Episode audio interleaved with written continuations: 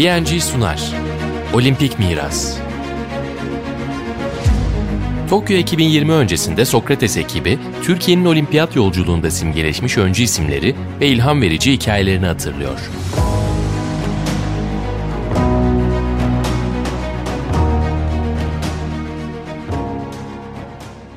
Sokrates Podcast'tan herkese merhabalar. PNG ile Olimpik Miras'ın yeni bölümüyle karşınızdayız. Ben Furkan Karasoy. Bugün olimpik sporların içinde görkemli bir yere sahip olan atletizmi konuşacağız. Elbette Türkiye'nin spor tarihinde atletizmin yerini, iz bırakan isimleri ve Tokyo 2020'yi konuşacağız. Konuğum da atletizmden bahsedildiğinde Türkiye'de akla gelen ilk isimlerden biri olan Ozan Can Sülüm. Hoş geldin Ozan. Hoş bulduk, selamlar. Öncelikle şeyle başlayalım isterim. Olimpiyatlarda atletizmin öneminden aslında hem detaylıca bahsedebiliriz hem de yani herkesin malumu olan bir konu. Yani birbiriyle özdeşleşmiş iki tabirden bahsediyoruz.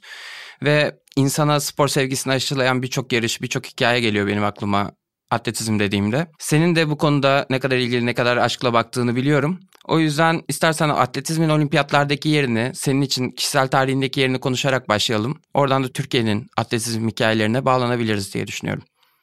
Ya atletizm aslında hani şeyde de bahsedecektim ben birazdan konuşacağımız ilk madalyalımız Ruhi Sarıalp'ten de bahsederken buna değinecektim. Aslında şöyle demek lazım. Türkiye'de atletizm ve olimpiyat senin de dediğin gibi aslında aynı şeymiş gibi görülüyor zaman zaman. Yani insanlara olimpik bir dönemde ya da olimpiyat devam ederken olimpiyatı izliyor musun dediğinde aa 100 metreyi izledim ya da işte ne bileyim çekici ne biçim attı falan gibi cevaplarla karşılaşıyorsun. Bu bence hem çok güzel bir şey aslında hem de aslında çok kötü bir şey. Çünkü insanlar olimpiyat gibi atletizmi de 4 yılda bir olan bir şeye devşiriyorlar kafalarında böylece ve sadece olimpiyatta izliyorlar aslında. İşte futbol gibi ya da basketbol gibi sezonu olan bir şeyi izlemek yerine 4 senede bir öyle özdeşleştikleri için kafalarında bu şekilde izliyorlar zaman zaman. Böyle takip ediyorlar. Dediğim gibi hem iyi hem kötü bir şey ama hani herkesin böyle olimpiyatla alakalı anılarına, her spora ilgili insanın olimpiyatla ilgili anısına baktığında aslında aynı şeyi görmek mümkün. Mutlaka bir olimpik kahraman, bir olimpik yarış çok ekstra bir galibiyet ya da çok büyük bir sürpriz ya da işte çok dominant bir karakteri idolize etme gibi şeyler aslında ön plana çıkıyor. Yani birçok kişi için işte 100 metrecilerdir bu diyebiliriz. İşte hani benim bizim nesilden şey diye bahsedebiliriz belki işte eğer bu database biraz geriye gidiyorsa 2000 ama değilse de 2004 Atina dolaylarından bir yarış belki insanların aklında kalmıştır. Ama işte bir sonraki nesil işte Usain Bolt'un gösterdiği performansla mesela ya da işte bir sonraki nesil diyelim 2012'de Londra'da biraz talihsiz belki onlardan da bahsederiz biraz sıkıntılı şekilde sonuçlanan hani madalyalarımızla sonradan geri alınan madalyalarımızla belki aşık olmuş olabilir. Ama ya dediğin gibi olimpiyat ve atletizm Türkiye'de çok birbirine yapıştırıldığı için kavram olarak mutlaka olimpiyat seven bir insanın atletizmle alakalı bir anıdan dolayı onu sevdiğini düşünmek hani %70 %80 çok bu şekilde gidiyordur diye düşünüyorum. Çok haklısın. Katılıyorum abi sana bu konuda. Şununla da açıklayabiliriz belki bu durumu. Bu da bir Türkiye tarihi açısından da bir tesadüf ve güzel bir tesadüf. Aslında olimpik tarihimizin, olimpiyat tarihimizin temelinde de atletizmin çok önemli bir yeri var. Çünkü Papazyan ve Mıgıryan'la başlayan bir yolculuktan bahsediyoruz olimpiyat yolculuğu dediğimizde. 1912 Stockholm'dan süre gelen bir miras bu. Ve orada da atletizmin önemini görebiliyoruz. Atletizmle başlayan bir yolculuk ve aynı zamanda işte Atletizm Federasyonu yani Osmanlı döneminden kalan 1922'den kalan bir miras. O da 100. yılına girecek seneye. O yüzden atletizmin Türkiye'deki temeli ve mirası oldukça büyük diye düşünüyorum. Tabii ki bu temelin ve mirasın en önemli figürlerinden, akıllarda kalan en önemli figürlerinden biri de hatta ilki belki de Ruhi Sarıalp. Ruhi Sarıalp'i biraz konuşuruz dedin sen de girişte. Bu konuda yani Ruhi Sarıalp'in Türkiye atletizmindeki yerini, bizim olimpik mirasımızdaki yerini. Orada çok önemli bir başarı var. Orada bir bronz madalya var Ruhi Sarıalp'ten gelen. O parıldıyor tüm başarılarımızın arasında.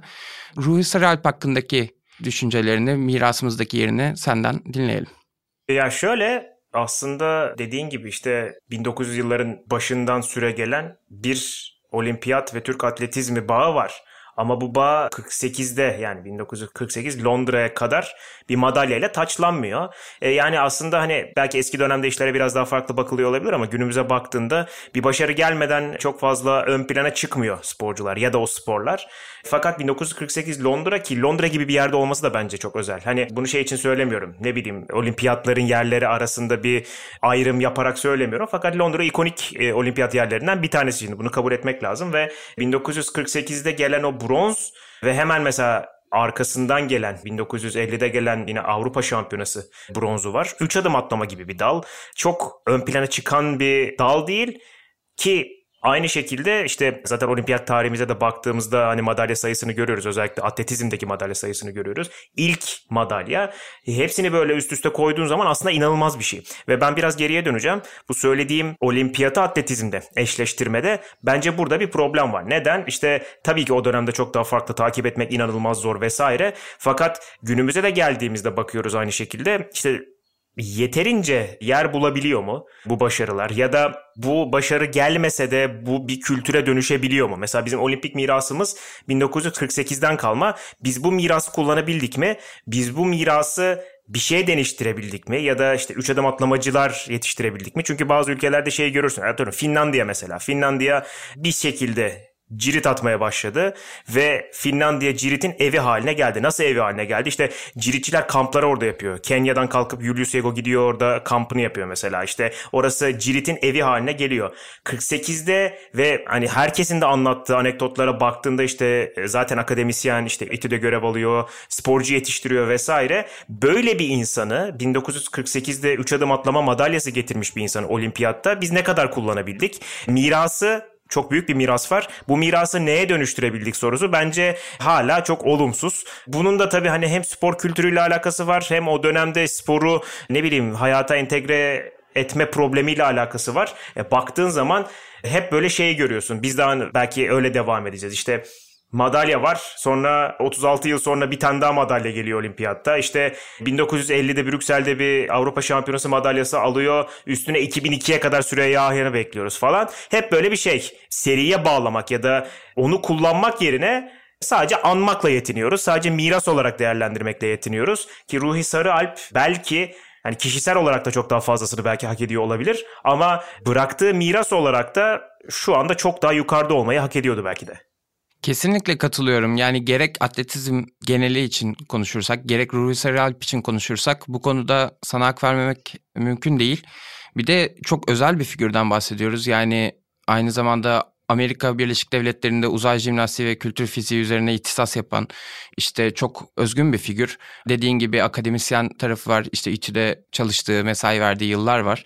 Onun dışında tabii bir de duayenlerden Cüneyt Koryürek'in onun hakkında söylediği hani en büyük Türk atleti olarak niteliyor Ruhi Saralp'i ve bunları ard arda koyduğumuzda yani Ruhi Saralp'e gereken önemi gösterebildik mi? Bu mirası iyi kullanabildik mi? Bu bir soru işareti ama tabii ki günümüzde yani hala ismi alınıyor. Daha da bu konuda günümüzdeki yaklaşım daha da iyiye gidiyor, gideceğini de umuyorum. Tabii ki yani bu Cüneyt Koryürek'in anlattığı anılardan biri de yani o dönemki 3 adımda 3 dünya rekoru kıran Brezilyalı da Silva. Cüneyt Koryürek'le bir sohbetinde Ruhi Sarıalp'ten Ruhi çok büyük bir atlet diye bahsediyor. Yani ki zaten onu Londra'da da geçmiş bir sporcu Ruhi Sarıalp. Bu da onun mirasının büyüklüğünü gösteriyor. Aynı zamanda yani güzel bir hikayeden de bahsedebiliriz belki. Cumhuriyet Gazetesi'nin işte 2009'da kaybettiğimiz yazarı Abdülkadir Yücelman bir yazısında kaleme almıştı bu anıyı. Ruhi Sarıalp'in olimpiyatlara gittiğinde 1948 Londra olimpiyatlarına gittiğinde 3 adım atlamada şöyle bir anısı oluyor. Orada Wembley stadındaki bir görevli Ruhi Sarıalp'e geliyor ve işte dedesinin dedesinin Kırım Savaşı'nda yer aldığından ve Kırım Savaşı'na gitmeden önce İstanbul'da müttefik askerlerle beraber konakladığından bahsediyor. Ve bir Türk çavuş ona gidiyor diyor ki işte korkmanın bir faydası yok gittiğin gibi geri geleceksin diyor. Ve bu korkusunun önüne geçmesi için bir para uzatıyor ve bu parayı dilinin altına koy diyor. Dileğini söyle dileğin gerçekleşecek merak etme diyor.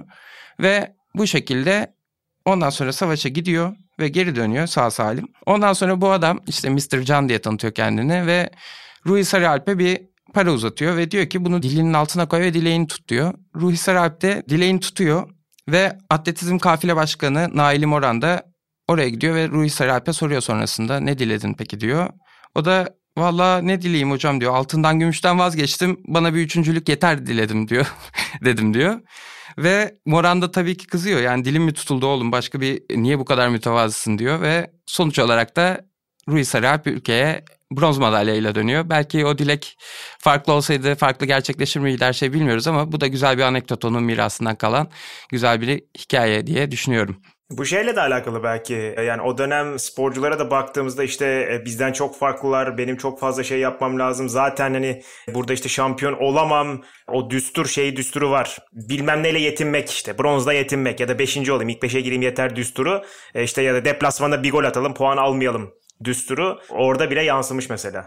Evet kesinlikle yani o o mütevazılık bahsettiğimiz mütevazılık orada da işlemiş o bize yeter diye tabii ki şimdi gelecek nesillerden yani şu anki aktif sporcularımızdan çok büyük gelecek vadeden sporcularımızdan tabii altınlar bekliyoruz diyebiliriz. Ve tabii Ruhi Saralp'ten biraz daha filmi günümüze doğru sararsak 1980'lerde kadar zaten güreş haricinde bir madalya göremiyoruz. Orada bir güreş hakimiyeti var tamamen. Onun dışında madalyamız yok ta ki işte boksta gelen madalyalar var o dönemde. Ama atletizm için bekleyiş bir 20 yıl daha sürüyor ve Eşref Apak çıkıyor. ilk olimpiyatında madalyasını alıyor. Atina'da madalyasını alıyor. Eşref Apak'la ilgili senin de keyifli bir hikayen olduğunu biliyorum. İstiyorsan onu senden dinleyelim. Biraz da atletizmde yıllar sonra gelen madalyamızı konuşalım. Eşref Apak'ın o mesela biraz da tatsız bir madalya çünkü hani aslında Orada kazanmıyor. Ona daha sonra konuşuruz. Benim adım şey ya. Biz işte 2005 yılında Mart'ta düzenlenecek okullar arası dünya şampiyonasına hazırlanıyorduk takım olarak handbolda. Okul takımıyla beraber işte İstanbul şampiyonu olduk. Sonra Türkiye yarı finallerini ilk ikide bitirdik. Türkiye finallerine gittik. Türkiye finalleri de Antalya'daydı ve Türkiye finalleri tam zamanını hatırlamıyorum. Muhtemelen işte böyle kış başı gibi olması lazım. Kış başı, kışa yakın falan olması lazım. 2004'ün işte hadi diyelim Ekim-Kasım olsun. Ya bu da şey anlamına geliyor. Şafak aslında Atina'da o yarışı çıkarıp, tarihi yarışı çıkarıp sonrası dönemine denk geliyor. Sonraki kamp dönemine. O dönem ben yani Eşref Apak falan tanımıyorum. Hiçbirimiz tanımıyoruz. Aynı otelde kamp yapıyormuşuz. O da arka bahçede işte antrenmanlarını falan yapıyormuş. Antrenman dediğim hani öyle çok ciddi antrenman değil belki ama kamp yaparken işte kaldığı otelin arka bahçesinde bir şeyler yapıyormuş. Arkadaşlarımızdan bir tanesi geldi yani daha sabah işte kahvaltıya gidecekken. Oğlum arka tarafta bir adam var ben hayatımda böyle bir şey görmedim falan dedi.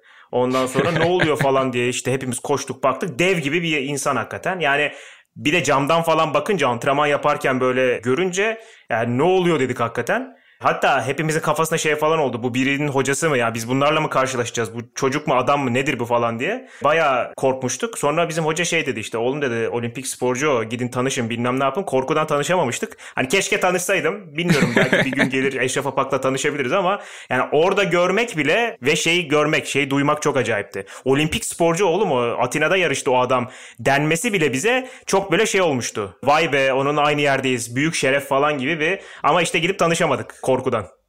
Yani anlayabiliyorum o sahneyi canlandırdığımda gözümde ben de anlayabiliyorum ama yani Tokyo'da da yer alacak Eşref Apak. Atina'dan sonra Tokyo'ya kadar uzanan bir yolculuğu var. Hatta 6. olimpiyatını da hedeflediğini söylüyor. Belki bence hala zamanımız var. Yani aynen, aynen. senin zamanın var diyebiliriz onun içinde.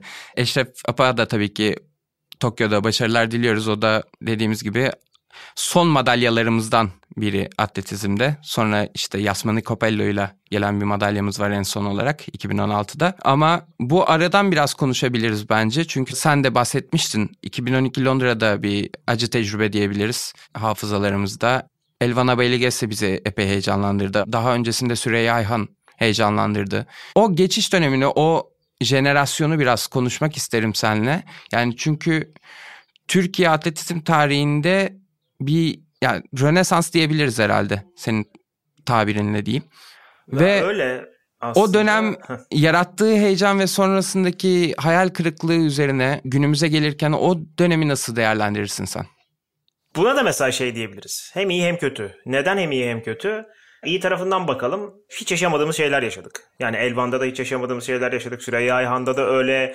Yani şeyi Cüneyt Kıran'ın anlatımını herkes hatırlıyordur. Londra'daki. Ya 1500 anlatımını hatırlayamayan yoktur yani. Akıl almaz bir heyecan yaşadık. Akıl almaz bir e, keyif yaşadık. İşte ne bileyim oradaki heyecanın sonrasına yansıması işte hatırlarsın herkes de hatırlar büyük ihtimalle işte salonlar yapıldı şampiyonalara aday olundu bilmem ne 2000 ile 2000 Hani 12 diyeyim ya da 2015 arası 15 sene işler karışana kadar bir atletizm kültüründen ve bir atletizm aşkından bahsetmek mümkündü. Yani şeyle biraz biraz çocuksu belki işte başarı daha fazla başarı olacak işte bak kızlarımız neler yaptılar falan ve çok ciddi şekilde gündemde kaldı. İşte İstanbul'da salon atletizm şampiyonası yapıldı, Balkan şampiyonaları buraya geldi vesaire. Bence sonucu olumsuz da olsa, olumsuza da dönse Orada bir heyecan yaşandığını ve bir şekilde bunun, o enerjinin doğru şekilde kullanılan bazı noktaları olduğunu düşünüyorum en başta. Yani bana katılmayanlar da olabilir ya böyle işte enerji mi yaratılır vesaire diye. Fakat bununla beraber işin kötü tarafına da bakmak lazım. Mesela bu ikinci söylediğim böyle olumsuz bölüm dünyada da olmaya başladı. Ya işte Mo Farah'lara kadar işte Oregon'a, Portland'a kadar giden, Salazar'ın atletlerine kadar giden böyle bir anda bir patlama yaşandı. Ve bu işte geçmiş sample'ları açıldı, B'lerinde, numunelerinde problemler çıktı falan. Ama ben hala şey düşünüyorum. Yani işte Londra 2012'de yaşanan o heyecanın bir şekilde enerjiye çevrilip e, bugünkü işte birazdan bahsedeceğimiz belki de jenerasyona belki de ışık tuttuğunu ve onların kullanabileceği yatırımlara dönüştüğünü biraz düşünüyorum aslında.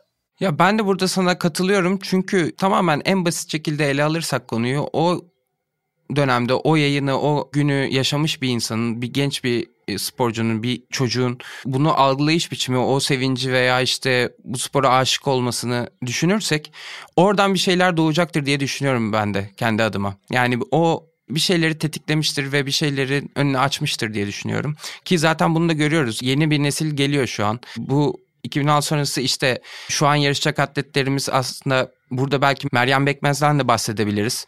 O da işte yürüyüşte Türkiye'de daha çok genç olmasına rağmen 20 yaşında olmasına rağmen aslında kırılmadık rekor bırakmadı ve önemli bir kariyere başlıyor. Şu anda bir olimpiyatlara giderek ilk orada havasını da solacak olimpiyatların o tecrübeyi de edinecek ve bu yeni jenerasyon üzerine neler söylersin? Bu mirası nasıl taşıyacaklar? Şu an nasıl görüyorsun Türkiye'deki atletizmin yeni isimlerini? Bu yeni jenerasyondan keyif almamak yani mümkün değil hakikaten. İşte Hani Meryem'den bahsettik daha da bahsederiz. İşte Necati var e, sürekli işte 3 adım atlamadan bahsettik. Rui Sarıyalp'ten bahsettik. Ondan kaç yıllar sonra yine 3 adım atlamada ortaya çıkan bir sporcu. İşte Ersu var son dönemde çok ön plana çıkıyor vesaire. Çok genç bir jenerasyon ve aynı zamanda da hani çekirdekten yetişmiş bir jenerasyondan bahsediyoruz. İşte birçok ülkeye baktığında mutlaka oraya işte bizde de var gerçi Yasmani Kopella işte son madalyamızı aldı ama hani gençken buraya gelmiş bir atletten bahsetmiyoruz. Yasmani Kopella sonuçta yani Küba'da 10 sene önce Küba için yarışıyordu. Fakat bu yeni jenerasyon çekirdekten yetişmiş işte Meryem gibi ki hikayesi olan o hikaye olmasa belki işte spora dönüşmese o hikaye çok farklı yerlere gidebilecek birçok genç atletimiz var ve onların şans verildiğinde onların üzerine titrendiğinde yatırım yapıldığında neler yapabileceğini gösterdi. Yani sonuçta Türkiye'den yürüyüşte baktığında işte 20 yaş altı Avrupa şampiyonu çıktı. İşte yürüyüş kupası şampiyonu çıktı. 18 yaş altında da şampiyon oldu. 16 yaşından beri rekorlar şampiyonluklar getiren bir atletten bahsediyoruz ve böyle çok fazla atletimiz var artık. Bu yüzden de aslında biraz şey dedim. Yani Meryem işte 12 yaşındaydı yanlışım yoksa Londra'da. Hani mutlaka bir şey hissetmiştir izlediyse. Ya da başka bir sporcuya gidelim işte ne bileyim Necati'den bahsedelim 15 yaşındaydı mutlaka bir şey hissetmiştir. Ve o hissiyat kalıyor yani insanın bir şekilde içinde kalıyor ve orada olmak istiyorsunuz ve şimdi bu atletler orada olacaklar. İşin bu tarafı da önemli. Yani evet belki ne bileyim daha şimdi madalya beklemiyor olabiliriz fakat 20 yaşında olimpiyat heyecanı yaşamak bence e, ya benim akıl aklımın almayacağı bir şey. Hani ne yaparım, ne ederim, keyfini mi çıkarayım yoksa e, işe mi konsantre olayım? Bu tecrübeyi 20 yaşında almak bundan sonra 24 yaşına, 28 yaşına geldiğinde hatta işte uzun ömürlü bir spordur yürüyüş. İşte 40'a doğru falan da madalya alabilirsiniz. Önünde 5-6 tane belki de olimpiyat olacak Meryem'in. Dolayısıyla hani bu kadar genç yaşta böyle bir tecrübe edinmek de onun için bence inanılmaz bir keyif olacak. Aslında bütün o jenerasyon için çok büyük bir keyif olacak. Gerçekten müthiş bir kazanım. Yani bu yaşta o havayı solumak, o yarışmacı ruhla oraya katılmak ve ya etrafı gözlemlemek bile aslında müthiş bir kazanım. O yüzden sana kesinlikle katılıyorum. Hani ya bir sporcunun kariyeri için daha büyük bir kazanım hayal edemiyorum. Bu noktada ben sözü biraz Meryem Bekmez'e vermek isterim. Sağ olsun bizleri kırmadı. Yani yoğun takviminde Tokyo 2020'ye hazırlanırken artık tamamen konsantre olmuş durumdayken hedeflerine bizi kırmadı ve bir ses kaydı yolladı. İstersen önce onu bir dinleyelim sonra üzerine de konuşalım. Tabii.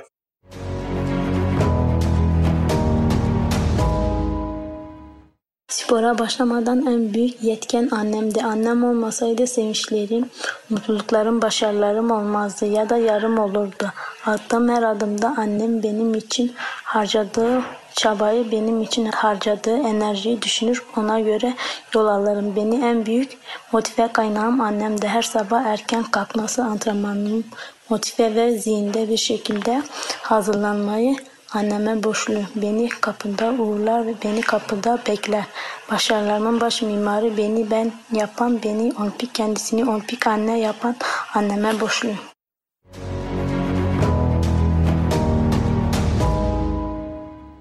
Meryem'e de çok teşekkür ederiz bu yoğunluğunda bizle görüşlerini paylaştığı için ve bu noktada Meryem'in de sözleri üzerine PNG'nin Olimpik Anneler Projesi'nden de bahsedebiliriz.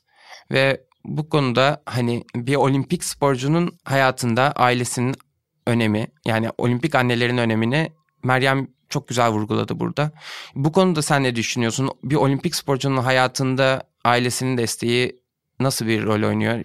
Ya şöyle söylemek lazım sadece olimpiyat da değil aslında ya tabii ki olimpik anneler ya olimpik bir anne olmak şu anlama geliyor. Çocuğunuza e, spora başlarken inanılmaz bir destek vermiş olmanız ne olursa olsun e, o destekten vazgeçmemiş olmanız, mental, fizikal belki ekonomik olarak çocuğunuzu yani sürekli desteklemiş olmanız ve şu açıdan da mesela çok e, zor bir şey tüm sporcu anneleri, tüm sporcu anne babaları için bunu söylemek lazım. Çocuğunuz sorun yaşarken, fiziksel sıkıntılar çekerken, belki mental sıkıntılar çekerken ya da işte Türkiye'de şey çok vardır aynı zamanda derslerinde iyi gitsin, baskısı kurmamak falan bunlar çok zorken olimpik bir seviyeye çıkmış sporcunun e, anne babası olmak gerçekten çok zor bir şey. Kendi ailemden hani örnek vermem gerekirse hani ben de işte handball oynarken işte milli takıma kadar giderken derslerim berbat hale geldi bir ara. işte sürekli sorunlar yaşadım. E, fiziksel işte uyuyamıyordum vesaire ödevlerimi yapmıyordum bilmem ne ve hani evet o seviyeye yükselmek bir sporcu için, bir sporcu adayı için, bir genç için çok zor. Ailesi için de bunu izleyip müdahil olmadan ya da doğru yerlerde müdahil olarak ona destek vermek de çok zor bir şey. Yani Türkiye'de şeyi biliyorsun. Derslerin kötüyse seni bilmem nereden alıyoruz. İşte onu yapamıyorsan e, spor da yok bundan sonra ya da işte sporu bırak üniversiteye hazırlan. Bunlar çok fazla oluyor ve özellikle daha 16 yaşında şampiyonluklar kazanmaya başlayan bir sporcunun ailesi için ona doğru şekilde destek olmak çok takdire şayan yani alkışlanacak bir şey aslında. Ki burada da zaten hani Meryem'in söylediklerine bakacak olursak ailenin verdiği desteği de görebiliyorsun. Zaten o ailenin verdiği destek olmasa bu Tokyo'ya giden sporcu listesindeki isimlerin çoğunluğu belki de burada olmayacaktı. Yani kesinlikle katılıyorum sana o zaman bu noktada. Gerçekten yani zaten profesyonel bir sporcunun hayatını düşünürsek o genç yaşlardan itibaren o adanmışlık, o aynı zamanda istikrar barındırması gerekiyor. Yani sürekli bir olimpik sporcu olmak gerçekten ya benim tahayyül edebildiğim bir şey değil kendi üzerinden düşündüğümde. Ve bu seviyeye gelmiş bir sporcunun hayatında yaşadığı, karşılaştığı, yüzleştiği zorlukları düşündüğümde gerçekten o kilit rollerden birinde anne faktörü işte olimpik anne dediğimiz olimpik anne faktörü yatıyor. Onun dışında tabii ki şeylerin öneminde yatsıyamayız. Tabii ki antrenörlerin öneminde yatsıyamayız sporcuların gelişiminde. Bu, bu gibi faktörler gerçekten bir olimpik sporcunun hayatının, kariyerinin devamını, nasıl geliştiğini direkt olarak etkileyen faktörler. O yüzden Meryem'in söylediklerinden de yola çıkarak Tokyo 2020'ye gidecek olan tüm sporcularımızın ailesini, annelerini de tebrik etmemiz gerekiyor diye düşünüyorum. Kesinlikle katılıyorum. Ve son olarak Ozan sana şunu sorayım. İşte Türkiye'nin atletizm tarihindeki başarılardan, bazen hayal kırıklıklarından, bazen o görkemli dönemlerden konuştuk. Şu an yeni bir jenerasyondan da konuştuk. Senin son olarak Tokyo 2020 beklentilerini, bundan sonrası için beklentilerini merak ediyorum. Çünkü ya bahsettiğimiz gibi 2022'de Atletizm Federasyonu'nun 100. yılı da kutlanacak. Ve bu da bir dönüm noktası tabii ki güzel bir tesadüf olur. Bundan sonra Türkiye atletizmi hakkında nasıl bir gelecek görüyorsun? Bir onu sorayım. Ya şöyle dediğim gibi çok genç bir jenerasyon var elimizde. Tecrübeli atletler de var. İşte mesela burada e, ismi geçmedi ama o başarılı dönemi hani inanılmaz dönemi e, olimpiyata denk gelmediği için bir Ramil Guliev var mesela. Madalya beklemek bu jenerasyondan özellikle yeni jenerasyondan bahsederken çok acımasızlık olur. Çünkü bir çok garip bir olimpiyat olacak. Belki tarihin en garip olimpiyatlarından biri olacak. Sürprize bence çok açık olacak. İşte hava şartlarından, Covid'in nasıl ne bileyim olimpiyat köyünden Nasıl çıkacaklar? Nasıl oraya geri dönecekler? Tokyo'da bu nasıl ele alınacak? Onları düşünmek lazım biraz. Ama e, tabii ki özellikle önümüzdeki dönem için burada gelecek tecrübeleri biraz da kullanmak lazım. Bizde şey vardır. Başarı gelmediğinde hani hiç başarı beklenmeyen bir sporcudan dahi başarı gelmediğinde zaten becerememiş ya da zaten yapamamış düşüncesi hep oluyor. Böyle çok alakasız e, yıllarca hiç bakmayıp bir anda işte sonucu gördüğünde ha zaten 5. olmuş diyen çok fazla insan oluyor. Öyle bir şeye hiç gitmeden bu jenerasyondan gelecek için bir şeyler bekleyerek ve buradaki tecrübelerinin de keyfini çıkararak aslında hem onların keyif çıkarmasını hedefleyerek hem de bir yandan bu yeni jenerasyonun orada yarışıyor olmasından keyif alarak bence Tokyo'yu geçirmemiz gerekiyor. Ki sonrası için bunlar işte yine buradaki enerji belki madalyaya dönüşebilsin. Gelecek çok parlak olabilir ama o parlaklığı da hani burada beklememek lazım. Ben sadece işte umarım 20, 21, 22 yaşında olimpiyat görecek atletlerin bu tecrübeyi yani sonuna kadar e, bütün keyfini çıkararak belki işte istediği sonuçları alarak belki ne bileyim e, ulusal rekorlar kırarak vesaire Türkiye'ye dönmelerini isterim. Umarım da daha fazla yani başarıdan çok keyfini çıkarabilirler Tokyo'nun. O zaman çok teşekkür ederim Ozan katıldığın için. Ağzına sağlık. Senin de PNG ile Olimpik Miras'ın atletizm bölümünün sonuna geldik. Dinlediğiniz için çok teşekkür ederiz. Yeni bölümde görüşmek üzere. PNG'nin sunduğu Olimpik Miras sona erdi.